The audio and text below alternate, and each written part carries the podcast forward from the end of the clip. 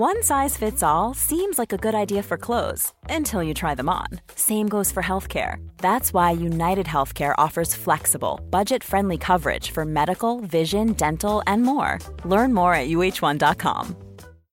Here's a cool fact a crocodile can't stick out its tongue. Another cool fact you can get short term health insurance for a month or just under a year in some states. United Healthcare short term insurance plans are designed for people who are between jobs, coming off their parents' plan, or turning a side hustle into a full time gig. Underwritten by Golden Rule Insurance Company, they offer flexible, budget friendly coverage with access to a nationwide network of doctors and hospitals. Get more cool facts about United Healthcare short term plans at uh1.com. Hey, it's Ryan Reynolds, and I'm here with Keith, co star of my upcoming film, If, only in theaters, May 17th. Do you want to tell people the big news? All right, I'll do it. Sign up now and you'll get unlimited for $15 a month in six months of Paramount Plus Essential Plan on us. Mintmobile.com slash switch. Upfront payment of $45 equivalent to $15 per month. Unlimited over 40 gigabytes per month. Face lower speeds. Videos at 480p. Active Mint customers by 531.24 get six months of Paramount Plus Essential Plan. Auto renews after six months. Offer ends May 31st, 2024. Separate Paramount Plus registration required. Terms and conditions apply if rated PG. I can discuss some of the psychological aspects of the case. You've got to get a hold of yourself. Now look here, Johnson, I'm going to get to the bottom of this. I can discuss some of the psychological aspects of the case. And you're really crazy, you know that? Oh, yes, I remember that. Is this any concern of yours? Stop, stop, stop it now, I mean it. Ja, hei, det er psykolog Sondre Livre her. Diagnosen er dessverre svært alvorlig. Det viser seg at alt du tenker og føler er feil. Du må for all del ikke stole på hjernen din, den lyver. Alt du opplever er filtrert via nevroser fra ubevisste avkroker. Hvis du følger nøye med, er det en liten mulighet for at jeg kan hjelpe deg. I can discuss some of the I can discuss some of the I can discuss some of the psychological aspects I'm.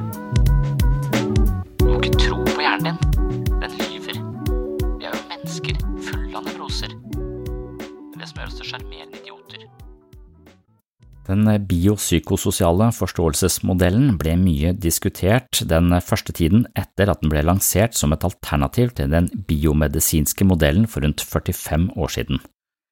Den la vekt på å forstå sykdom helhetlig i lyset av både biologiske, mentale og sosiale faktorer, men modellen er ikke blitt konkretisert og videreutvikla på noen systematisk måte. Jeg mener at det er uheldig. Altfor ofte tenker vi på psykiske utfordringer som avgrensede sykdommer. For meg er det noe som ikke stemmer med den forestillingen. Psykiske plager er ikke sykdommer, men reaksjoner på et konglomerat av ulike faktorer som spiller inn på et menneske i en bestemt situasjon. Hvis vi tenker at psykiske utfordringer er sykdommer, tenker vi ofte videre snevert om behandling og helbredelse. Man ser for seg at en sykdom kan helbredes med en bestemt metode. Slik er det som regel ikke når det kommer til vårt komplekse indre liv. Psykiske plager har i langt de fleste tilfeller et mangefasettert opphav hvor summen av erfaringer, tilfeldigheter, genetiske disposisjoner, økonomi, relasjoner, selvforståelse, holdninger, kosthold, mengden av fysisk aktivitet osv. spiller inn i det totale bildet. Hvis vi skal gjenvinne god livskvalitet ved tilfeller av langvarig psykisk uhelse, må nok intervensjonene speile kompleksiteten i det aktuelle menneskelige problemkomplekset. Det vil si at ethvert menneske må forstås ut ifra så mange perspektiver som mulig, og to stykker med samme diagnose kan profitere på helt ulike behandlingsopplegg. Dette blir en del av tematikken i dagens episode, men jeg skal først og fremst snakke om våre grunnleggende følelser. I hjertet av vårt psykiske maskineri har vi noen emosjonelle, grunnleggende styringssystemer som suger til seg informasjon fra erfaringene vi gjør oss med livet og andre mennesker. På bakgrunn av dette vil vi utvikle et komplisert følelsesliv hvor vi ofte reagerer uten at vi egentlig vurderer nye situasjoner på nytt. Det er derfor mange sier at følelsene kan reagere på tvers av fornuften.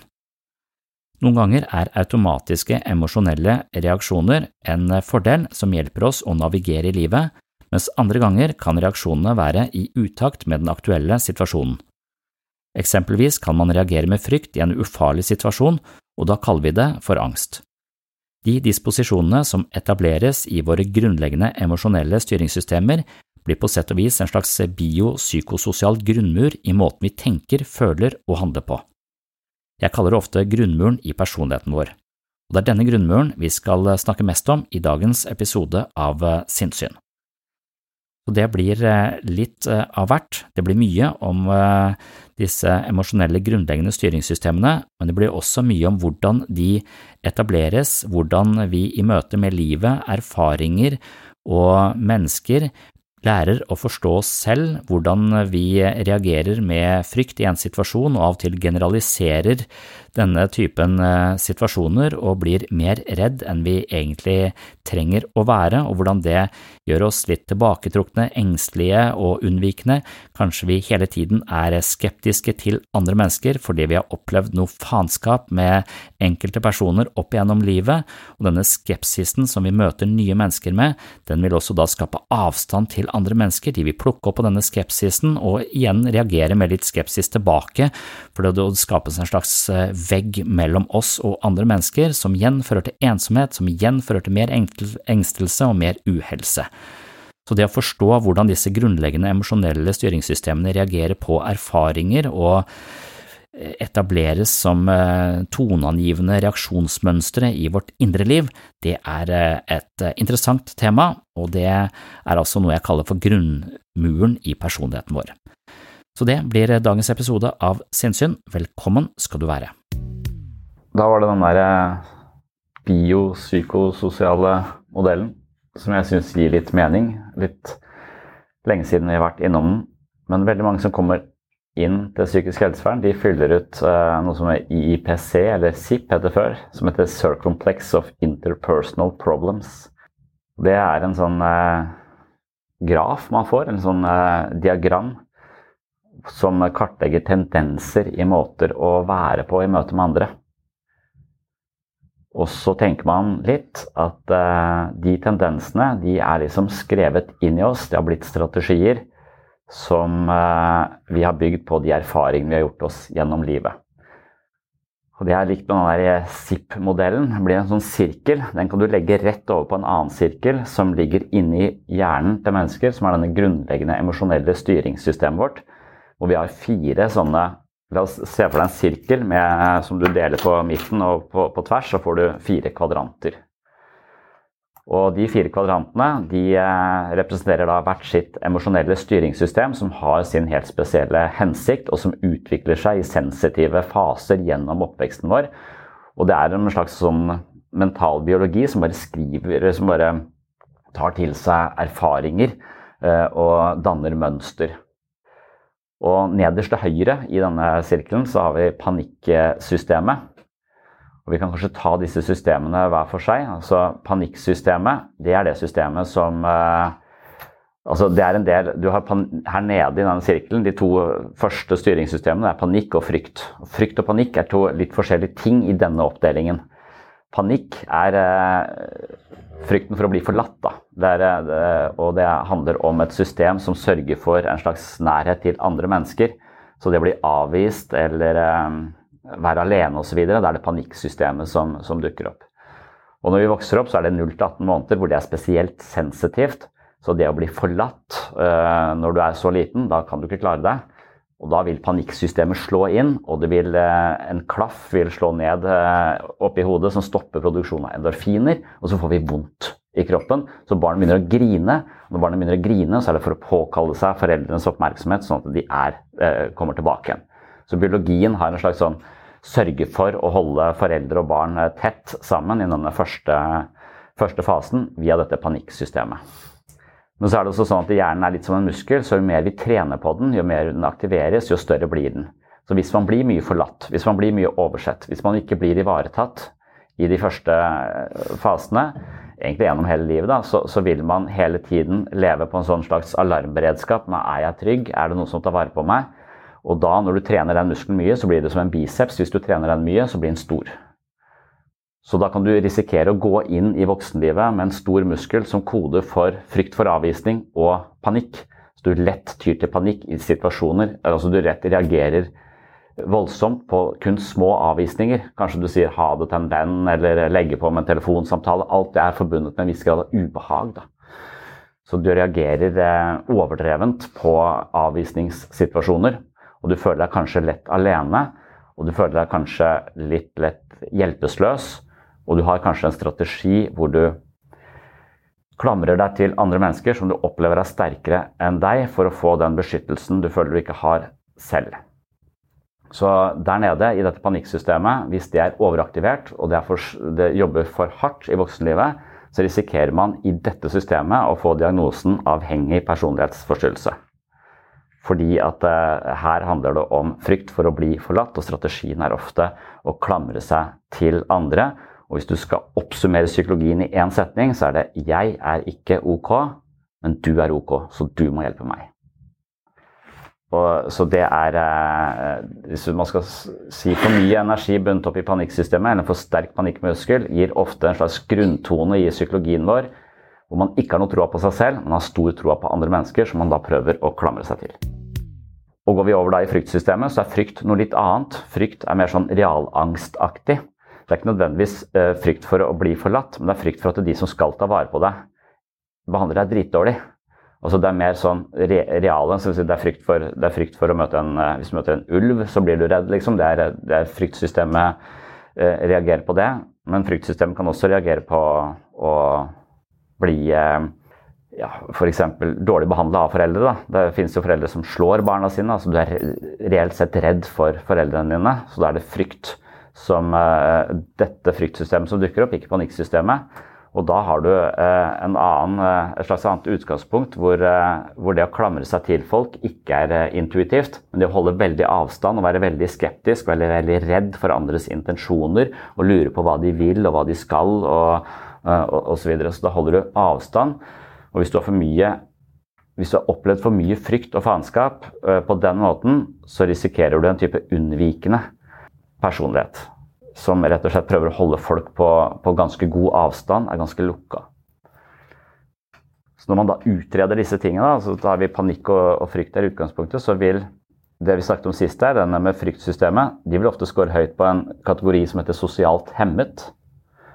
Hvor det står 'har vanskelig for å innlede sosial kontakt', 'har vanskelig for å åpent uttrykke sine følelser', 'problemer med å delta i grupper og selskaper', 'unnvike sosial omgang', beskrives av andre som introvert, utilgjengelig, avvisende eller folkesky. Prøver å unngå ydmykelse, kritikk, avvisning, det å ikke bli likt, ved å begrense sitt sosiale liv.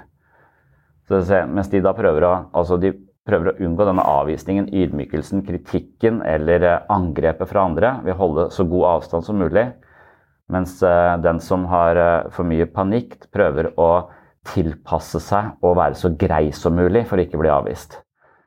Sånn at de prøver å, å, å please for å bli likt, istedenfor å unngå den uh, følelsen av avvisning eller, eh, eller, skuffelse ved å da holde ting på avstand. Så det er frykt- og panikksystemet som opererer, eller som avstedkommer forskjellige strategier da, som, kan, som, kan, bli sånn toneangivende for måten vi er med andre, andre mennesker på. Det er flere ting her, for det, det, blir, det, blir, bare, det er ikke bare fire grunnleggende styringssystemer. Det avhengig av den, Du må se det nesten som en slags kontinuum mellom ulike parametere som spiller inn. Så det blir mange forskjellige sånne kategorier som, som hører til i det grunnleggende styringssystemet der. Sånn, så blir det mye mer avansert, for det, uh, erfaringene våre blir så komplekse. Men, men, hvis vi skal ta over på den, uh, på den panikksystemet, og, da er det f.eks. utnyttbar. Fordi at uh, når du er redd for å bli avvist, så har du en tendens til å finne deg ganske mye fra andre mennesker fordi det er bedre å bli dårlig behandla enn å være aleine, er vel nærmest uh, ideen. sånn at uh, så lenge jeg ikke er ok, så er jeg avhengig av deg, for du er ok. Og da må jeg nesten finne meg hva som helst. Så det er litt sånn uh, Det er litt dårlig samarbeid ofte i den typen relasjoner. For hvis du da møter en person som på en eller annen måte kommer til å utnytte den, den sårbarheten, så kan det bli en ganske skadelig relasjon. da. Så utnyttbar, altså overdreven underkastelse nærmest, da. Forsøker å gjøre andre fornøyde eh, sier lite nei og lar seg lett overtale. Avskyr å uttrykke eller føle sinne, og ønsker ikke å utsette seg for andres fiendtlighet. Tror at eh, det å hevde sin mening, det forulemper andre mennesker. Unnviker å være bestemt i vennskapsrelasjoner.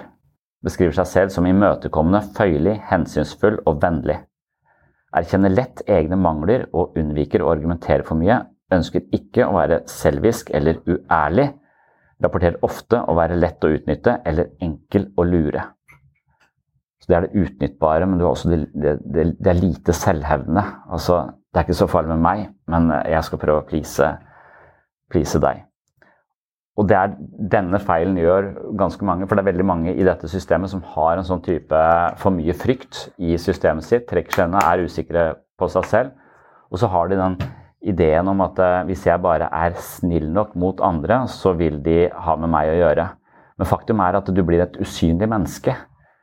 Du, du blir nok et menneske som folk, helt, uh, som folk lett kan glemme, eller som folk kan overse. Fordi at du, så lenge du ikke uttrykker noen behov, eller setter noen grenser, eller sier din mening fordi uh, kanskje For noen så er det bare det å si en mening som er motsatt av en annens mening, er rett og slett forbundet med en viss grad av fare. da. For det systemet ditt sier at det, det, å være i opposisjon, det blir sanksjonert på en eller annen måte. Så det er det du har, har erfart kanskje som, som, barn. At det systemet ditt har lært at det, hvis jeg blir litt mye, så blir mamma lei seg, hun begynner å grine, legger seg inn på rommet, så er det ingen som tar vare på meg. Så hvis ikke jeg eh, er eh, snill og ordentlig og grei, så, så, er det ingen eh, som tar vare på meg. Så, så, man tar det på en måte på seg selv og merker at hvis jeg blir litt mye, så, så vil de som skal ta vare på meg, de vil ja, kanskje åh, du er så mye, eller at det, man merker at foreldrene ikke tåler en nærmest. da. Man blir ikke tålt hvis man uttrykker seg. Og Når det blir liksom eh, default mode, det blir eh, modus operandi, og du tar med deg det inn i nye eh, situasjoner, så blir du en person som ofte er enig med siste taler, eller, eh, eller bare ønsker å gjøre Det utnyttbare er jo en strategi som som man på En veldig sånn feilslått strategi, og det møter du så ofte. Altså, mange, mange, tenker at jeg må være så blid og grei hver gang jeg er sammen med andre. Altså, ingen gidder å være sammen med en som er sur. Altså, du, du, tror at du må være en som pleaser andre på en eller annen måte. Men det er ingen som ønsker falske folk som går ut og smiler når de er sure. Altså, Vi ønsker ektehet, på en måte, og vi ønsker ofte motstand. Vi, vi, vi syns at det, hvis noen setter grenser for seg selv, så vet vi hva vi skal forholde oss til. Hvis folk ikke setter grenser, så trår du ofte over inn på dems eiendom uten at du veit det. Og så etterkant så har du skjønt at du på en eller annen måte har forulempa noen som ikke da satte den grensen, og så føler du deg litt dårlig. Så det å ikke hevde seg selv, det gjør deg usynlig, og det gjør deg også litt, en litt sånn tåkefyrste som det er litt vanskelig å forholde seg til, og som sannsynligvis er litt øh, øh, altså, de, de, oppleves som veldig joviale, greie og snille osv., men det er problemet. Ikke vær så jævla grei. Passiv ikke nødvendigvis, De kan være passivt aggressive, men de kan bare rett og slett være totalt selvutslettende. Som er en sånn selvoppofrende eh, strategi som de tror er eh, måten å ikke bli forlatt på. Men så er det egentlig måten å skape utrygghet i relasjoner på. Sånn at det blir relasjoner gang på gang. Og det er det som er med disse strategiene. At de hjalp oss kanskje som barn, men som voksne så virker de kanskje mot sin hensikt. De virker direkte De beskytter deg ikke lenger. De sørger for, uh, for vanskelige relasjoner. Men jeg syns nok at det unnvikende eh, virker ikke, altså, Det unnvikende er, eh, er, ganske følelsesmessig kaldt, mens det avhengige og panikksystemet er følelsesmessig varmt. Så frykten er en kaldere eh, reaksjon enn avhengigheten. Så, når, så lenge du har den avhengige 'jeg er ikke ok', eh, men du er ok, så er det en sånn type varme i det. Mens så lenge du tenker 'jeg er ikke ok', men det er faen ikke du heller', da er du ganske aleine i verden. Du kan ikke stole på deg sjøl, du kan ikke stole på andre mennesker. Hvem faen skal du stole på da? Det er ingen uh, å, å, stole på, og du faller på en måte fritt. Mens den avhengige har jo troa på at uh, moren min, eller fastlegen min, eller naboen min, eller vennen min, eller hvem de har valgt som krykke, da, uh, kan redde meg. Og den typen krykkevirksomhet kan kanskje stimulere et annet menneskes ego, for de føler seg viktig. Men dypest sett så vil det ofte være en eh, såkalt bjørnetjeneste. Hvor man opprettholder en type avhengighet og uselvstendighet som den eh, avhengige er nødt til å for Her handler det om autonomi. da. Så det lite selvhevdende altså Midt imellom det, det fryktsomme og det panikkarta frykten for, for avvisning, så, så, så, blir man ofte lite selvhevdende. For det er vanskelig å uttrykke proaktive eh, følelser fordi man ikke har troa på seg selv. Jeg er ikke ok. Da kan ikke jeg sette grenser eller hevde noe, for jeg er jo ikke ok. Så hvorfor skal jeg be om noe eller uttrykke mine behov? Så da kommer det lite selvhevdende. Så denne delen av skalaen er lite selvhevdende. Så tviler på seg selv og er usikker. Vanskeligheter med å ta initiativ. Vanskelig å være i sentrum for andres oppmerksomhet. Unnvike sosiale situasjoner som er krevende. F.eks. det å uttrykke meninger til en autoritet. Vanskelig for å være bestemt i forhold til andre. Vanskelig å holde fast på en mening om man møter motgang. Så det å holde på sin mening når andre mener noe annet, det er eh, problematisk her. Å ikke bli likt uh, truer ens selvfølelse, så det er veldig viktig å bli likt, og man unngår derfor å uttrykke, uttrykke egne ønsker eller behov. Kan være en ganske uselvstendig person. Det er det lite selvhevdende. Så Det problematiske er jo at det, altså jeg snakker om at vi har et operativsystem, så mener jeg at ja, det operativsystemet det er, liksom, det er, ikke helt som på en datamaskin. Det er liksom bare skrevet inn i nervecellene våre. For hvis du f.eks. som barn blir lagt inn på sykehus fordi du har en eller annen kanskje du, Før i tida, eksempelet er vel å ta mandelen eller annet sånt noe, da. Så hadde man på et tidspunkt ikke at du hadde med deg foreldrene, du ble bare tatt fra foreldrene og lagt inn. Bare sånne type situasjoner kan aktivere panikksystemet, og panikksystemet vil være aktivert en stund, men så vil det avta, for det å være veldig aktivert det er biologisk sett en trussel for deg, for da kan andre rovdyr finne deg og spise deg. på en måte, Så du vil ikke være i panikk så veldig lenge. Derfor vil panikken avta. og Man går ned i den depressive fasen hvor man venter på å bli funnet av foreldrene sine. da. Og Hvis du aktiverer den dynamikken der sånn, som vi har for vane å gjøre i barnehagen, hvor barna blir Faen, skal du forlate meg på institusjon? Jeg er bare ett år gammel. Hva har klikka for deg? Og, så, og, det er jo barnets uh, reaksjon. Ikke gå! Og så sier, ringer de fra barnehagen uh, litt etterpå og sier at han var helt fin. Og sitter han helt stille og stirrer i veggen. Helt apatisk. Ja, ikke lei seg lenger, i hvert fall. Nei, for det panikksystemet har vært aktivert, og så, så går du ned i den depressive fasen. Og når du da henter de barna, så vil de ofte avvise deg. For det, for, og det er liksom avvisningens kretsløp. Det tror jeg snakka om også. At det, det, er det som foregår i, i, i, relasjoner hos den avhengige personligheten. er at det, eh, i, i, utgangspunktet så, så, vil når partneren går, voksne mennesker, så partneren går, så blir man sånn Nei, ikke forlat meg, jeg har vondt, du må være hjemme fra jobb. Og så, og så etter hvert så går ikke det, så partneren må ut. Og så sitter du bare hjemme og skal gjøre noe annet, og så venter du. Og er eh, egentlig bare nedfor, klarer ikke å konsentrere noe som helst. Men når partneren da kommer tilbake igjen, så begynner man å iscenesette en eller annen krangel. Og det er avvisningens kretsløp. Fordi man eh, er litt sånn eh, forbanna på den personen som forlot deg. For den er på, på, sett og vis også Så du er avhengig av den personen. At den må ikke gå. Og når den går og kommer tilbake så, så iscenesettes en krangel da i, i etterkant. Fordi man ja, man, man, tenker litt sånn som en tenåring kanskje er forbanna på foreldrene sine, som de samtidig er avhengig av. Jeg elsker deg, jeg er avhengig av deg, men samtidig så er du ansiktet på min uselvstendighet, og jeg må, må kvitte meg med deg for at jeg skal bli fri. Så, så, uselvstendigheten til den ene personen vil utspille seg i relasjonen, akkurat som den gjør det hos en tenåring. Og det kan også skje når man er altfor for my, alt mye energi bundet opp i de panikksystemene. Det skaper mye uro i, eh, i, i relasjoner. Men bare det at det, det, også, det er forskning på det, altså det som viser at du, hvis du er lagt inn og tatt fra foreldrene dine bare i en fase, la oss si en uke eller to Det skjedde her på dette stedet før i tida, visstnok. For da var det et type sykehus her. Så, så, så, har man sett en, en, økende grad av angst og depresjon i den gruppa mennesker som har vært eh, innlagt på sykehuset som barn, da, eller at foreldrene dine blir innlagt på sykehus. Altså, det kan skje ting som ikke nødvendigvis er omsorgssvikt, men som bare skjer. og Da vil eh, aktiveringa i panikksystemet, hvis det er en veldig sensitiv fase, kanskje få det, det, setter seg som en slags fotspor du tar med deg inn i voksenlivet. Fordi du får en for sterk muskel for panikk. Og det er det som er egentlig å være et menneske, er å justere disse søylene hos seg selv. Prøve å avsløre når jeg reagerer for voldsomt. Når jeg reagerer som et ekko fra tidligere hvordan disse denne grunnleggende ideen jeg har, som ikke er eksplisitt for meg, men som tenker at jeg er ikke ok, men alle andre er ok. Hva gjør det med relasjonene mine? Legger jeg meg alltid under? Skaper jeg alltid ubalanse? Er det ingen som egentlig kan møte meg likt eller føles likestilt som meg? Det å fylle ut disse skjemaene og se på sin egen, eh, egen graf kan være eh, interessant. Og, og så kan det kanskje kaste litt lys over eh, de problemene man før ikke helt skjønte hvorfor oppsto, særlig da i møte med, med, andre mennesker. Og Så har du den mindre eh, attraktive. så Her nede frykt og panikk, lite selvhevdende følelser, handler om å trekke seg tilbake eller klamre seg til. Mens de proaktive følelsene, selvhevdelsen, det er det aggressive. Så det er to uh, proaktive følelser. Det er uh, raseri, og det er interesse og iver. Et søke- og lystsystem som er interessert og søker ut mot verden. Og så er det et uh, aggresjonssystem som er der for å sette grenser og forsere hinder og stå opp for seg selv og markere seg og si sin mening, ta sin plass. De tingene der sånn.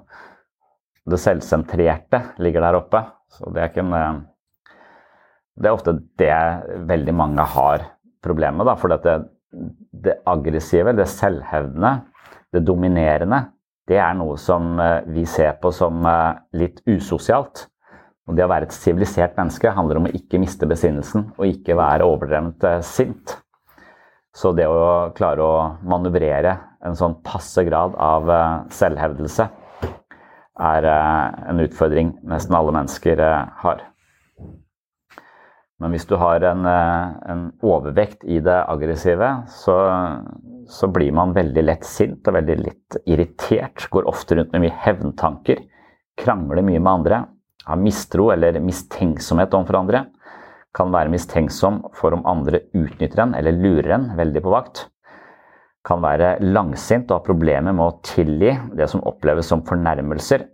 Støtter andre i liten grad bryr seg lite om andres fremgang, lykke eller behov. Poenget er at alle har disse fire grunnleggende styringssystemene, men vi har forskjellig grad av energi bundet opp i de. Så det er hver gang det er for mye energi i ett system, at personligheten blir litt skakk. Så hvis du har for mye, hvis veldig mange av responsene dine stammer fra det aggressive, f.eks. her sånn, det selvsentrerte, så blir du Rino i, i nissen over uh, skog og hei. Altså jævlig sånn Hva mener du med det? Eh, altså utrolig paranoid og, og lett krenkbar og aggressiv. Takket være Rajif så vant vi i dag. Han gjorde alle til lags, mens Rino han bråker med saks. Takk for det. Det var veldig hyggelig å få i pleisen. Altså, herregud, altså det, det, var jo bare morsomt ment, det der. Ja, sikkert veldig morsomt. Det er sikkert en veldig morsom tekst for alle som ikke ble rammet av den. Men uh, ikke så morsomt Nei, for det, de som ble dritt ut i den teksten. Rino, må slutte å være så hårsår. Hmm? Du er så hårsår. Hårsår? Ja. Hva, hva, hva, hva, faen har, hva har det med saken å gjøre? Hvem som er hårsår og ikke? Det... Ikke sånn da, det er jo et uttrykk for at man tar seg lett nær av ting. Hårsår er et uttrykk for at man tar seg litt nær av ting. Ja, det er, ja, det er jo veldig logisk. Det er ja, bra det er sagt, logisk, Men det er et innmari vanlig uttrykk som veldig mange bruker. Ja, hvis hårsår er så vanlig uttrykk, hvorfor har jeg aldri hørt det før? Man merker at det har begynt å danse seg små klikker her nå, og det er for så vidt greit. Det som er litt uh, ugreit, er jo at uh, jeg ikke er med i noen av de klikkene som er dannet. Særlig Marte og Anne Gro har blitt en sånn her, å, vi er så kule gjeng, og det kan ikke jeg respektere. Så da sier jeg fra. Selling a little or a lot? Shopify helps you do your thing however you cha-ching. Shopify is the global commerce platform that helps you sell at every stage of your business. From the launch your online shop stage to the first real life store stage, all the way to the did we just hit a million orders stage. Shopify is there to help you grow. Shopify helps you turn browsers into buyers with the internet's best converting checkout. 36% better on average compared to other leading commerce platforms because businesses that grow grow with Shopify. Get a $1 per month trial period at shopify.com/work. shopify.com/work. You should celebrate yourself every day, but some days you should celebrate with jewelry. Whether you want to commemorate an unforgettable moment or just bring some added sparkle to your collection, Blue Nile can offer you expert guidance and a wide assortment of jewelry of the highest quality at the best price. Go to Bluenile.com today and experience the ease and convenience of shopping Blue Nile, the original online jeweler since 1999. That's Bluenile.com. Bluenile.com. Hold up. What was that? Boring. No flavor. That was as bad as those leftovers you ate all week. Kiki Palmer here, and it's time to say hello to something fresh and guilt-free. Hello Fresh. Jazz up dinner with pecan-crusted chicken or garlic butter shrimp scampi. Now that's music to my mouth. Hello Fresh. Let's get this dinner party started. Discover all the delicious possibilities at hellofresh.com.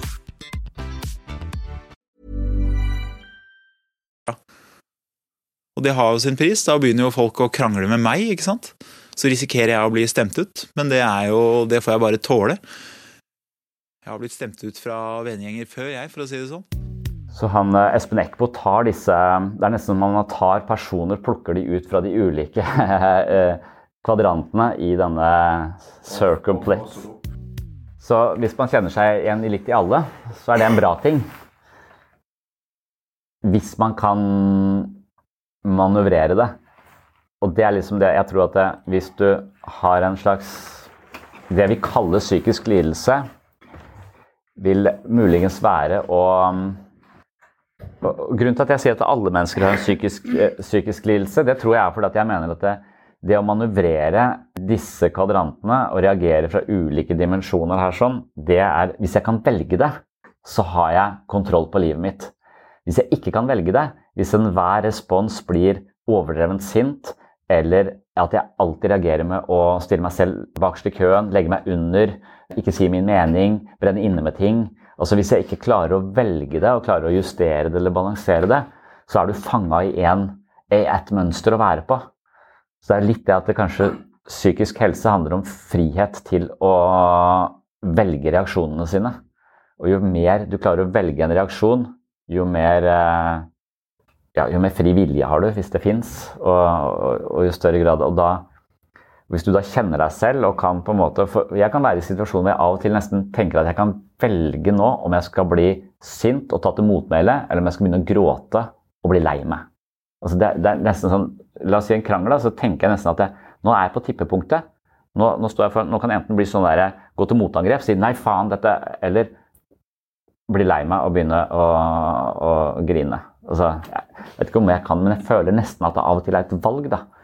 Mens uh, mange andre ganger så føler jeg ikke jeg har det valget. Jeg bare blir sint, eller jeg bare blir lei meg.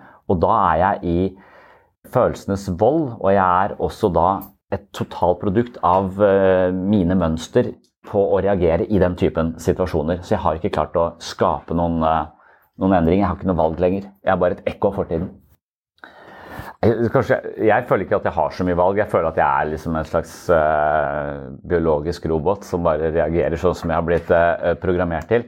Men så jeg, så, så, er det interessant for meg å se og så høre historier i gruppeterapi hvor, hvor det sitter folk og forteller, og så, og så gjorde de det, og og så, prøvde jeg å forstå det, og så sa jeg det. og så Hvorfor drepte du ikke personen, tenker jeg. Altså, Jeg hadde ikke klart å stå i den situasjonen uten å klinke vedkommende rett ned. Altså, Min impuls er så sterk i det mer aggressive retningen da. Mens, eh, så, så, for meg så er det en enorm grad av impulskontroll hos det lite selvhevdende. på en måte. Mens for dem så vil det være kjempevanskelig i det hele tatt si fra eller stå, gå til motbær eller stå opp for seg selv. Så, så, det er sånn Jeg vil ikke drept noen, da, men altså, at jeg, jeg blir bare sånn Fy faen! Jeg, jeg, hadde, jeg hadde slått vedkommende rett ned. Altså, jeg, og, og, hvis jeg hadde klart å la være, så hadde det vært en seier for meg. Altså, øh, for da hadde jeg klart å, å, å agere sivilisert til tross for at han der er jo verdens verste dust. Altså, mens, mens, andre ikke Default mode er å godta det. Og tenke på det på kvelden og ikke få sove. Nei, jeg, så, så, da vi, jobber vi med helt For det er ikke noe lurt å klikke folk ned. ikke sant? Men det er ikke noe lurt å aldri si fra eh, heller. Så, så, så, det å hele tiden manøvrere seg selv i dette landskapet er liksom livskunsten. da. Og hvis vi vet litt om hvor vi ligger hen, så, kan vi, uh, så, kan vi liksom i hvert fall vite at i denne situasjonen så kommer jeg til å blåse meg opp. Og det er ikke så at du ja, du, du, går inn med et kart. Så du går inn i et minefelt, og så leser du kartet først. Å ja, det er her jeg pleier å klikke. Da skal jeg være litt forsiktig. Eller dette er en situasjon, dette er dette foreldremøtet. Det er her jeg ikke klarer å si nei. Det er her jeg blir klasse- eller foreldrerepresentant. Hvert år. Seks år på rad fordi jeg ikke klarer å si nei. Det er også så kart du bør lese. Så hvis noen ser på deg i et sånt foreldremøte, så ja så, så, er det Og det er nettopp det. så at La oss si det er en sånn konfrontasjon da, hvor jeg reagerer med å, bli sint og, og ufin i situasjonen så vil jeg ikke få sove på kvelden fordi jeg har dårlig samvittighet. Mens den som ikke sier fra, lar seg overkjøre, får ikke sove på kvelden fordi de tenker de skulle sagt noe annet. De har et undertrykt sinne som lever og bobler. Og, og, og, de får ikke sove av den grunn. Jeg får ikke sove fordi jeg har dårlig samvittighet. De får ikke sove fordi det er sånn, sånn type undertrykt aggresjon, sannsynligvis. Du sånn, setter det på, på, spissen, selv om det ikke vil være så enkelt. Men, eh, men, jeg, men, jeg, tror det er det som skjer, da. Og jeg vet ikke hva som er eh, Vet ikke hva jeg syns er vanskeligst å sove til. Altså, Sannsynligvis når jeg føler meg overkjørt og jeg tenker Det er vanskeligere for meg å sove på enn Ok, der dreit jeg meg ut. Den, den, den, klarer jeg faktisk å leve hakket bedre med, da. det der, eller det, det føles ja, Nei, det er, det ikke like ille, kanskje. Det er to forskjellige følelser. Jo, jeg har den nå, men det føler jeg er det som jeg må ha trent mest på, liksom. Av alle, av alle ting. Er å ha impulskontroll pulskontroll overfor barn. Ja, ja. Fortrent hver dag. Altså, jeg trodde ikke jeg var så sint før jeg fikk barn. Men, men, greia Heldigvis tenker jeg så har jeg sånn tenker at eh, noen har sånn forståelse for at eh, negative følelser skal jeg ikke ha, på en måte, eller jeg vil ha mest mulig positive følelser, men jeg tror hvis ikke jeg får dårlig samvittighet når jeg har gjort det, så har jeg så ubalanse i systemet mitt at jeg ligger oppe i det aggressive, og jeg får ikke noe motvekt i det mer ydmyke, litt mindre selvhevdende, empatien som også ligger der. For det, når jeg ikke tenker at det, det, er så viktig med meg, men det er viktig med deg, så er det en empatisk bevegelse der sånn også. Så, så hvis du er fullstendig fanga i det selvsentrerte og det aggressive, så er jo grunnideen 'jeg er ok, du er ikke ok'. Så i stedet for den avhengige som sier at eh, 'jeg er ikke ok, men du er ok', så er det diametralt motsatt der oppe. 'Jeg er ok, jeg gir faen i deg'. Og det, hvis du er sånn, så er du jo blant de få blant den prosentandelen som, som, kan være litt farlige, veldig selvhevdende, tjener masse penger, blir veldig rike og har veldig få venner. Og de de har, de er bare sammen med dem, for de tør ikke å la være, som Putin-Trump-aktig. Så, jeg tenker er, jeg er så glad for at jeg har den dårlige samvittigheten, for hvis ikke så hadde jeg sett meg selv som en psykopat. For jeg mener det er, det er den fraværet av den dårlige samvittigheten. Så jeg, jeg føler jeg er kjempemasse. Jeg får veldig lett dårlig samvittighet. Det tar ikke mer enn 30 sekunder. Altså, så, så, så, så, du Ja, og det Men da, hvis jeg da klarer å være, som du sier, litt Jeg kjenner at nå koker det, men jeg, tar, jeg klarer å bestemme reaksjonen min så mildere. Den er grensesettende, men den blir ikke ufin. Så får jeg heller ikke dårlig samvittighet. Altså, så jeg klarer å bremse en tilbøyelighet jeg har i det aggressive, ned. Sånn at jeg, eh, sånn at jeg også ikke må betale med så jævla mye søvnløshet i etter, etterkant. da man vil jo anta at uh, at terapi går på å bli kjent med mønstre, og så bryte mønstre i den grad det lar seg gjøre. Så, så dermed å være uh, avhengig det utspiller seg hos noen også. Eksempelet i den podkasten er at en person som har en stor grad av avhengighet, veldig lite tro på seg selv, klenger seg på andre og f.eks. også jeg opplever da veldig ofte å bli forlatt. For den klamringa fører jo til at folk føler seg kvelt, og så, og så, forlater de på en eller annen måte. Og Det gjelder også venninner, sier hun. sånn at eh, Og det er fordi at når, når folk da ser jeg vet ikke, jeg husker, denne personen ringe, så, så tenker de at oi, det tar to timer. Og vedkommende legger aldri på. For vedkommende har en sånn følelse at idet jeg legger på, så får jeg denne avvisnings... Eller denne, denne separasjonen. Selv om det bare er å legge på med en venninne, så, så, er det som om den samme separasjonen som da mamma forlot meg, eller da pappa gikk og aldri kom tilbake igjen. Det er den samme greia. Sånn at du legger ikke på, og dermed så krever du at den andre kommer til å avvise deg på et eller annet tidspunkt, og de syns det er ubehagelig å avvise deg, så du tar ikke ansvar for avslutningen. Derfor så vil folk istedenfor å ta den telefonen, så vil folk ikke ta telefonen. Uh, sånn og da føler man seg avvist. Så det er ofte et mønster som utspiller seg en sånn små, finurlige ting mellom mennesker, hvor man føler seg litt sånn fanget av den, uh, av den andre. Løsningen er å se mønsteret og trene på det. Så når du ser at ok, jeg er en person som folk stort sett ikke ringer for det tar så lang tid, så, så kan jo din oppgave de neste 14 dagene være å si at jeg skal passe på å være den som tar initiativet til å avslutte en samtale når det har gått fem minutter. Og så gjør du det konsekvent en stund, selv om det er mot din natur, f.eks. Altså ikke at dette er deg, men at, dette er liksom Det kan være i noens natur å bare holde denne samtalen veldig Ja, Poenget er at du, du, du praktiserer fri vilje. Istedenfor å være en biologisk robot som reagerer på din avvisning du har opplevd hele livet, på automatikk som sørger for flere og flere avvisninger fordi det er en klamrende måte å være på, så, så velger du å gjøre noe annet.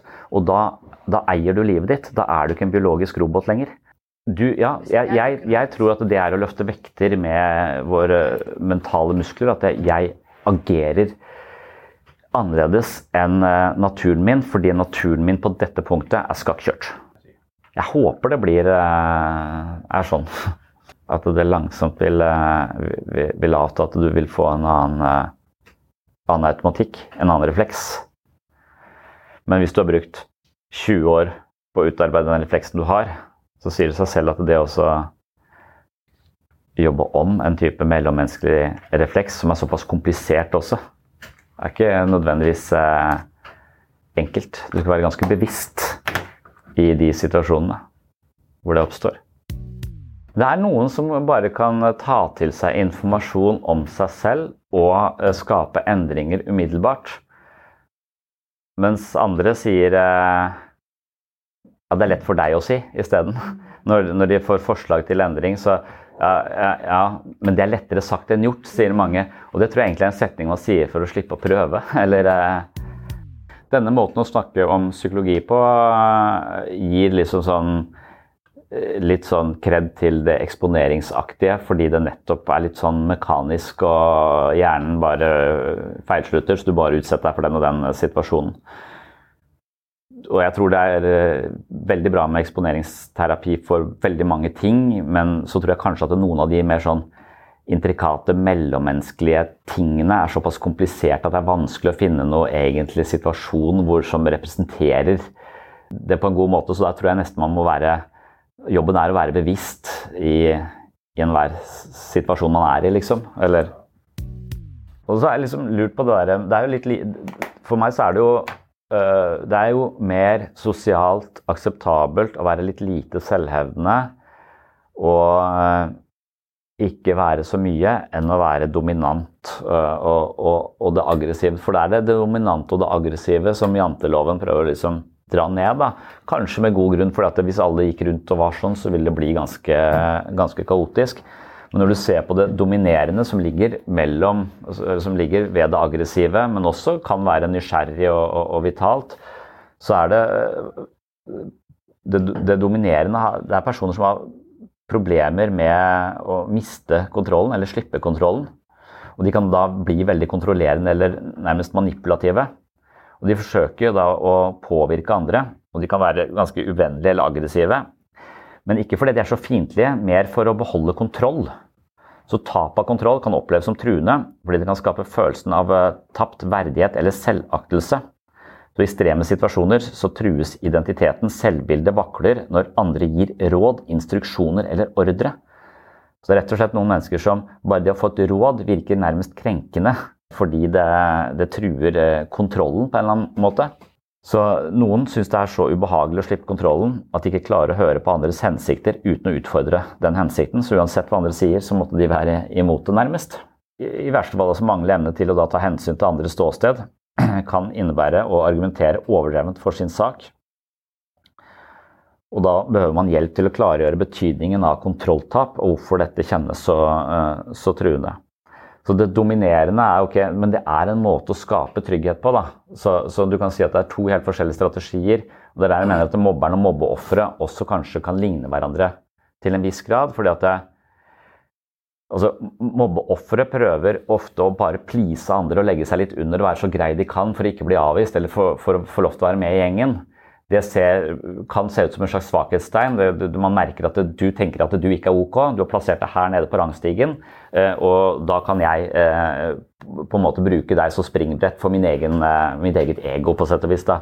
Mens mobberen, som tar de, vil jo ofte også tenke at jeg har ikke noe kontroll på har, Kanskje det er ingen som tar vare på meg hjemme, jeg har ingen trygg plass. Men hvis andre er redd for meg, så trenger jeg ikke være redd på skolen, for da, jeg, da har jeg kontrollen. på en måte. Så det er en måte å tilkjempe seg trygghet på. Begge deler. Det er bare mindre Vi, vi ser på ofte som mobberen som litt mer sånn ondsinna. Men, men, jeg tror det, tror det, er Det er en strategi, det òg, for, for, et eller annet. Ja. Og så litt mer sånne hverdagslige situasjoner, da, så, så, tenker jeg at min dominanse, uten at jeg husker hvor høyt det er, det er eller den behov for kontroll. da. Nå, nå skal jeg liksom Jeg skal fly til Heathrow i morgen. altså det er det verste stedet på jorda akkurat nå. Der er det ingen tog som går, det er ingen som får bagasjen sin, alle står og venter i kø. Og jeg skal ha med barn dit. Det høres så jævlig dumt ut uh, i mine ører. Og, hele, og det er også greia med å sitte i kø, f.eks. Altså, jeg beundrer folk som kan sitte i kø og bare puste og, og ta det. Så, men jeg er litt mer sånn jeg blir mer sånn amper i kø, og det tror jeg også er i denne dominerende altså, er, Jeg mister kontrollen. Nå, nå, plutselig så sitter vi fast i en jævla tunnel, og vi kommer jo så verken fram eller tilbake.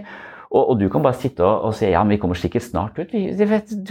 Og så, jeg, jeg, jeg blir jeg reagerer kraftigere da, med, med sånn semi-hjerteinfarkt på den typen situasjoner. Så at jeg skal nå forholde meg til flyplasser som er kaotiske med, med to barn. Og jeg ser for meg at vi Jeg har, jeg har pakka i håndbagasjen jeg har pakka hengekøya. For jeg ser for meg at jeg aldri kommer til London, men jeg kommer til å være igjen på den jævla flyplassen. Og derfor, Istedenfor å sitte på de stolene, skal jeg ligge hengekøye i planen min. Men, men, det er en situasjon hvor jeg tenker at andre hadde tatt det der litt mer som det kommer, eh, hvis de ikke hadde vært så redd for å slippe kontrollen litt. da. Så det, det dominerende i sånne hverdagslige, sånne trivielle situasjoner tror jeg også kommer til uttrykk i, i hvilken grad du får hjerteinfarkt i, i, bilkø.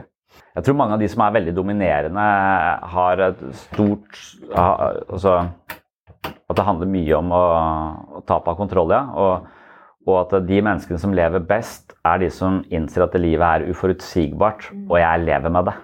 Altså, jeg aksepterer at livet er uh, uforutsigbart. Men idet du prøver å kontrollere hele livet eh, ditt, og du må ha spisse albuer for å sørge for at dette her blir eh, kontrollert, så lever du ganske anstrengt. Og du får, du får hjerteinfarkt av det. Men du får også hjerteinfarkt av å, å være fryktsom og, og, og, og selvoppofrende. Fordi at det, all den aggresjonen som du da ikke uttrykker, den imploderer. Så, så, det blir et eller annet kaos inni deg da også, hvor du liksom ligger og trøkker. Det blir en sånn, sånn trykkokermetafor. For der er jo i det, i det mer panikkarta, fryktsomme, så er aggresjon et stort problem. Selvhevdelsen er et stort problem, og den undertrykkes hele tiden. Og det er ofte veien inn i både angst og depresjon, for undertrykt aggresjon. Det er også en undertrykk av en livskraft. Så det å ville fram i køen, det er en slags livskraft og en selvopprettholdelsesdrift. Du må bare kanalisere det på en sånn måte at det ikke blir asosialt. Veldig mange sliter jo med de dominante følelsene, men den dominante følelsen vi egentlig vil ha, det er interesse og iver. Det er den eneste positive grunnfølelsen av disse fire følelsene. Interesse, nysgjerrighet og iver. Som man tenker barn utvikler og stimulerer når de er trygge nok. Så det eneste man er opptatt av, er ikke å mobbe Altså sørge for at barn er trygge, for hvis de er trygge, så kan de eh, være nysgjerrige og ivrige på verden. Men med en gang de føler at det er noe utrygt hjemme eller utrygt på skolen, så er de kun opptatt av alarmberedskap og sin egen sikkerhet og monitorere for det. Og da har de energien bundet opp i frykt og panikksystemer. Så hvis vi kan få folk til å være trygge, så vil de kunne bli nysgjerrige og kreative og søkende. Og det er den positive, proaktive følelsen som tar oss ut i verden og finner ut av hva vi liker, hva vi ikke liksom. Så en, en nysgjerrig, nysgjerrig kraft. Og der er grunnsetningen 'jeg er ok, og du er ok'. Jeg liker meg selv, og jeg liker deg. Så på sett og vis er vi biologiske nikkedukker. Vi reagerer ut ifra hvordan vi er eh, programmert via erfaringer. Og så er jo spørsmålet hvor mye selvbestemmelse har jeg i min situasjon, og er det mulig å oppøve seg mer selvbestemmelse? Så det betyr egentlig å ja, Det betyr veldig ofte å handle imot sine uh, naturlige impulser, egentlig. Og det er det som er så paradoksalt med det å være menneske, syns jeg. Altså at det, det, virker som om alle andre dyrearter de har sånne instinkter som de følger, og så sørger det for overlevelse og et greit liv føles det som veldig mange av mine instinkter er helt feil. Og det eneste jeg skal drive med, er å, å prøve å gjøre det motsatte av det som er min uh, naturlige tilbøyelighet. Altså, jævlig slitsomt. Det gjelder med, mat. Liksom, bare mat. Altså, alt jeg liker å spise, er ikke sunt. Alt jeg liker å drikke, er ikke bra for meg. Men så tror jeg også at det som har vært mye av min bevegelse, er jeg, Hvis du har en helt annen økonomi, så er det der med, med å ha kon kontrollpatologi, eller eh, ordenspatologi, som jeg kaller det, kontra kaos, yin og yang. Jeg har nok vært mer på frykten for døden og sånn også er noe sånn, sånn kontrollpatologi. ikke sant? Jeg ønsker å kunne kontrollere eh, selv det at man skal, eh, at man skal dø. Så, så det å prøve å ha kontroll på ting du ikke kan kontrollere, det er en dårlig måte å leve livet sitt på. Samtidig, så, så det å få barn det fordrer masse kaos, og det har liksom eksponert meg for kaos. Så jeg tåler mer kaos. Jeg føler at jeg er mer på en middelvei mellom orden og kaos. Derfor så vil jeg takle uh, disse køene på Heathrow bedre i dag enn jeg ville for ti år siden, tror jeg. Ja, Nå dropper jeg å ha med hun minste, for da tenker jeg at det går ikke. Men, uh, uh, men jeg drar jo dit for dems del. Altså, ja, men det har jeg også. Jeg tror ikke det er Altså til å ikke være homofil, så er det få mennesker som har hatt så mange fingre opp i rumpa som det jeg har uh, hatt opp igjennom. Jeg bodde i Danmark og dro tilbake til uh, Kristiansand. Jeg bodde sammen med to stykker som røyka hasj tre ganger om dagen. Så Det lukta alt jeg eide. Jeg klarte ikke å vaske det vekk. Så de bikkjene som sto på, på kaia, de kom alltid bort til meg, og jeg var jo livredd. Altså, de så det på meg, så skyldig ut. Jeg var redd, og jeg visste hva jeg var redd for. Jeg var redd for de jævla plastikkhanskene. Og jeg visste at den bikkja kom til å lukte dette her. For jeg har aldri hata vennene mine så mye som akkurat i de overgangene fra Danmark til Norge. Jeg husker en gang jeg satt oppe på dekk tenkte jeg skal jeg hoppe nå? Uh, for jeg klarer å svømme herfra. Men det kaster liksom lys over veldig mye av de relasjonene man opplever, tror jeg. Også spesielt det vi snakker om i gruppeterapi ofte. For det, det, disse aksene som går fra å være utnyttbar til selvsentrert og, og veldig dominerende, eller det å være selvoppofrende og det å være veldig distansert, så ut på det sosialt hemma, det fryktsomme, det som holder ting på avstand. Det er kaldt. Det er følelsesmessig ganske kaldt, og det, det er ofte rasjonelt. Det vil ikke ha noe med rasjonalisering, ofte forsvarsmekanismen. Mens det på andre siden er veldig varmt og nært og, og, og relasjonelt. Da. Så du har det varme mot det kalde i disse, disse aksene også. Og Det er liksom sånn jeg sitter veldig ofte og monitorerer meg selv og, og oppdager at, ja, kanskje jeg er litt, at det er litt forkjølig, liksom. At, jeg, at jeg prøver å nære litt på de varmere menneskene, så jeg kan bevege meg litt og så skape litt mer vekt på den varme siden av skalaen, f.eks. At det, det er en sånn måte jeg tenker øh, aktivt tenker på da, for å tenke at ja, jeg er kanskje litt for distansert, holder litt for store avstander, litt for kald. Øh, Eh, og så kan jeg prøve å bevege meg i den, eh, den, retningen. Og Hvis man da driver og skårte seg selv på en sånn graf hele tiden, så kunne man ha hatt en sånn app da, på mobilen som hele tiden eh, viste deg personlighetsprofilen din ut ifra hvordan du, du agerte i, i livet. Det, det, kompliserer hele bildet. for En ting er hvis jeg klarer å besinne meg, være mer tålmodig og, og endre det. Men så kan det jo også hende at du, du, er i situasjoner hvor andre som ikke er i det hele tatt er i kontakt med sitt eget sinne, egentlig sørger for at andre blir sint på dems vegne, så de får andre til å utagere sitt eget sinne fordi de selv ikke orker det. Ikke så du kan være utsatt for så mange sånne ting. Eller en familiedynamikk hvor, hvor, du på en måte har en posisjon, og den måten du er på, har passa inn i dynamikken her. og Hvis du begynner å endre deg, så, så, vil de andre eh, Så vil hele samarbeidet smuldre på en eller annen måte. sånn at de, ting fungerer ikke. Det er liksom liksom på en fotballbane, da, hvis du liksom har spilt eh, wing hele tiden, og så plutselig så tenker du at nei, jeg vil heller spille back, og så bare går du ned og spiller back, og så sentrer alle til deg opp på vingen, og så er du ikke der, så blir de dritforbanna på det hele tiden. Du skulle jo være der oppe. Nei, jeg har lyst til å være her. Og så glemmer de det hele tiden, så de spiller hele tiden feil. Så, så, så det å endre seg krever jo at uh, alle omgivelsene dine som har forholdt deg til den måten du er disponert på nå, sånn er det vi tenker om deg, og vi har faktisk et behov for at du er akkurat sånn, kanskje. Kanskje vi trenger at du er lett å utnytte. Kanskje jeg trenger at du alltid er føyelig, for da kan jeg beholde min kontroll. Uh, og hvis jeg, du ikke er føyelig, så truer du min kontroll, og da må jeg endre meg. Så, så, det er jeg ikke interessert i. Så, så det å tro at man skal endre seg i et vakuum, er også litt sånn mal, Det går ikke. Hvis du er et menneske som f.eks. her sitter en gruppe, eller bare omgås andre, liksom så vil du ofte dyttes inn i de rollene som, eh, som du er eh, koda inn i.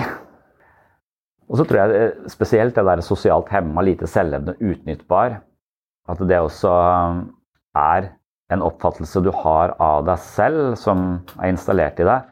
Og at den også er liksom sånn, at det nesten er et slags usynlig hierarki mellom, mellom mennesker som vi forholder oss til. Og så tror jeg at vi selv har blitt plassert et sted på det hierarkiet på et eller annet tidspunkt, og så tenker vi på oss selv som der.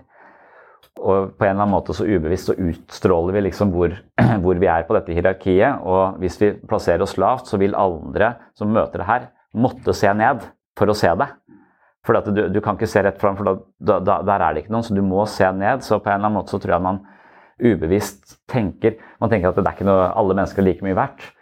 Det er bare noe vi sier. Altså, vi tror ikke på det. Vi tenker at uh, mennesker har forskjellig verdi, og vi tenker på oss selv som mer eller mindre verdifull, tror jeg. Og det, det tror jeg er liksom vanskelig å det er en Jordan Peterson som liksom har snakket sånn eksplisitt sånn konservativ tenker, som jeg kan si mye rart om, men, men han mener liksom han har den der hummermetaforen. Han sier at det, når hummer er veldig sånn territoriale skapninger, så de krangler om de beste beiteområdene og de beste stedene å bo osv. Og, så og når de slåss, så vil én vinne og én tape. Og den som taper, utskiller et eller annet hormon eller stoff som gjør at musklene på en måte trekker seg sammen, så hummeren ser mindre ut. Mens den vinnende hummeren utskiller et annet stoff som gjør at musklene trekker, så spenner seg, sånn at du, den blir stor. Den blir ikke nødvendigvis større fysisk, men den ser større ut.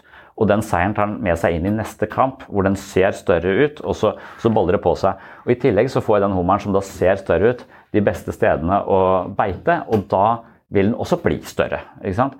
Og jeg lurer på om den typen jeg tenker at Hummer er primitive, men så lurer jeg på om eh, sånn er det med mennesker også, til en viss grad. Bare at det, vi slåss ikke. Men vi forholder oss til hverandre på måter som av og til trykker folk ned. Og at vi til og med på en tidlig tidspunkt, kanskje allerede på barneskolen, har fått en eller annen sånn opplevelse av hvor vi hører til, hvor vi er. Så har vi plassert oss der, og så agerer vi, spiller ut livet vårt fra den, den posisjonen. Så kan man si at ja, alle har en fri vilje. Alle kan. Ja, alle kan plassere seg oppover her hvis de skjønner det. Og hvis de skjønner at jeg tilskriver meg selv jævlig lav verdi fordi jeg har blitt kritisert hele livet, så jeg er egentlig nødt til å plassere meg litt høyere, så, så er det en ganske dramatisk snuoperasjon som jeg tror er ganske vanskelig. Akkurat som det er veldig vanskelig å, å bli styrtrik hvis du er født inn i en familie med få ressurser. Det er riktig at alle kan ta en utdannelse og alle kan bli hva de vil, men det er et eller annet uh, som trekker folk tilbake til der de hører hjemme likevel. Sånn sosioøkonomisk sett. Så, uh, så, folk velger ikke fattigdom, på en måte. Så om du, alle har like ressurser i Norge, kan alle gå på skole, de kan gjøre alt hva de, hva de vil. For det første så får man ikke like mye veiledning, og sånn, det er en ting, men hvis du likevel har et veldig skarpt hode og kunne klart det, så selv der så er det vanskelig å stå inne for å gjøre klassereiser. Da. Det er eh, som om kanskje alle du kjenner, drar det tilbake igjen, eller eh, så vi er liksom bundet til så mange faktorer. Så én ting er vår egen psykologi og vår egen selvfølelse og selvforståelse. Og så er det alle andres forståelse av oss som er med på eh, ja, nesten sånn konsolidere den, eh, den oppfattelsen. Rike folk, f.eks. Det virker som om de plutselig går på smell. er sånn, Ja, han er, eh, skylder to milliarder, sånn, og han har ingen penger. Han har total konkurs. Og så går det noen Han er den mobilabonnementfyren, f.eks. Plutselig er han jævlig fattig. Og så er han psykorik. Så er jævlig fattig. Altså, altså, det virker som det er så lett å bli rik igjen. Altså, det er, det er, så, det er som Hvis du først er, så graviterer han tilbake til den rikdommen, selv om han egentlig skylder mer penger enn alle oss til sammen. Liksom. Men hvis man tenker eh, hummeren igjen, da, så, så, vil det være Altså, jeg syns det er ubehagelig å se ned på folk. Og jeg syns det er ubehagelig å bli sett opp til. Så, og jeg syns det er ubehagelig at andre ser ned på meg.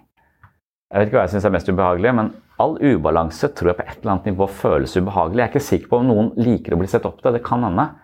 Men det å bli sett, det, det asymmetri i relasjoner er jo på et eller annet nivå ubehagelig for oss.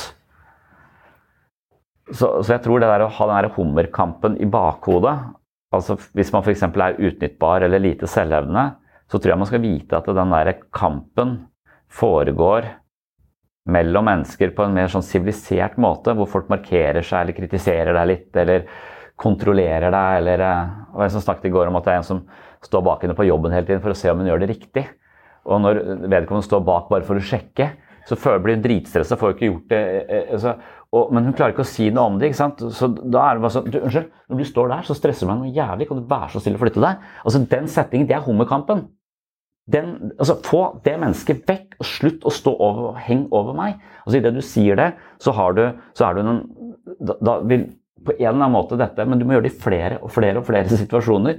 Sånn at du ikke For hver gang du da bare blir mindre og mindre og mer og mer nervøs, fordi mennesket bare står og ser på deg, liksom, så er det kampen. Det er den vanlige kampen mellom mennesker. Det er ikke det at vi er under vann og driver og klyper hverandre med klør. liksom. Takk for at du hørte på Sinnsyn. Poenget er at alle erfaringene våre gjennom livet skriver seg inn i oss og blir en del av vår historie, men også en del av forventningene våre, atferden vår og hvordan vi forstår nye situasjoner. I det menneskelige psykiske maskineriet finner vi også noen grunnleggende emosjonelle styringssystemer som altså påvirker reaksjonene våre på bakgrunn av erfaringer fra tidligere situasjoner. Dersom vi har mange vonde erfaringer i bagasjen, kan det henlede oss til å være skeptiske, redde eller usikre i situasjoner som egentlig ikke er farlige. Det vil si at vi på sett og vis har reaksjoner som er dårlig justert, og nettopp det var det jeg prøvde å si noe om i dagens episode av Sinnssyn. Tusen takk for at du hører på denne podkasten. Hvis ikke du allerede har lasta ned appen, så syns jeg du skal gjøre det, det messer jeg jo mye om. Det er også eh, viktig eh, for denne podkasten at den eh, får noen stjerner og noen ratings inne på ulike plattformer, enten det er i iTunes eller om det er på Spotify eller det er inne på denne AppStore hvor appen ligger. Det å få gode skussmål der, altså fem stjerner, det hjelper podkasten å bli mer synlig og nå ut til flere folk. Og Hovedhensikten med sinnssyn har vært å spre kunnskap og interesse og nysgjerrighet på menneskets indre liv til så mange som mulig. Og hvis du liker det du hører her på sinnssyn, så håper jeg at du tar deg noen få minutter til å gi podkasten noen stjerner i den plattformen du eventuelt måtte høre på denne, denne podkasten. Og jeg håper jo at du hører på denne podkasten via Sinnsyn-appen, selvfølgelig. Takk for følget, og velkommen tilbake i neste episode. Takk for nå. Oh, I'm just losing my mind, that's all.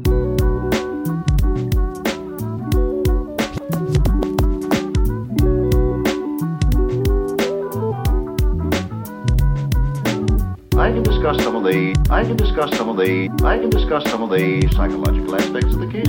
Psycho, psycho, psychological aspects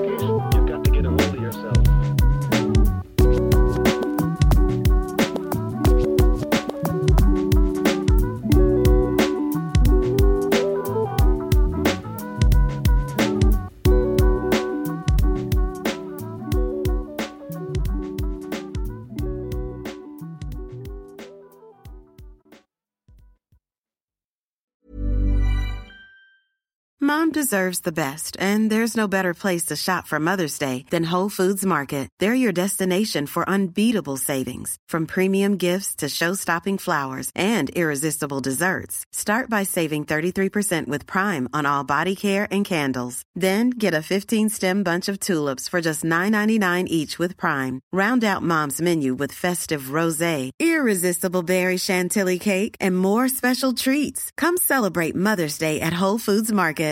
Mom deserves the best, and there's no better place to shop for Mother's Day than Whole Foods Market. They're your destination for unbeatable savings, from premium gifts to show-stopping flowers and irresistible desserts. Start by saving 33% with Prime on all body care and candles. Then get a 15-stem bunch of tulips for just $9.99 each with Prime. Round out Mom's menu with festive rosé, irresistible berry chantilly cake, and more special treats. Come celebrate Mother's Day at Whole Foods Market.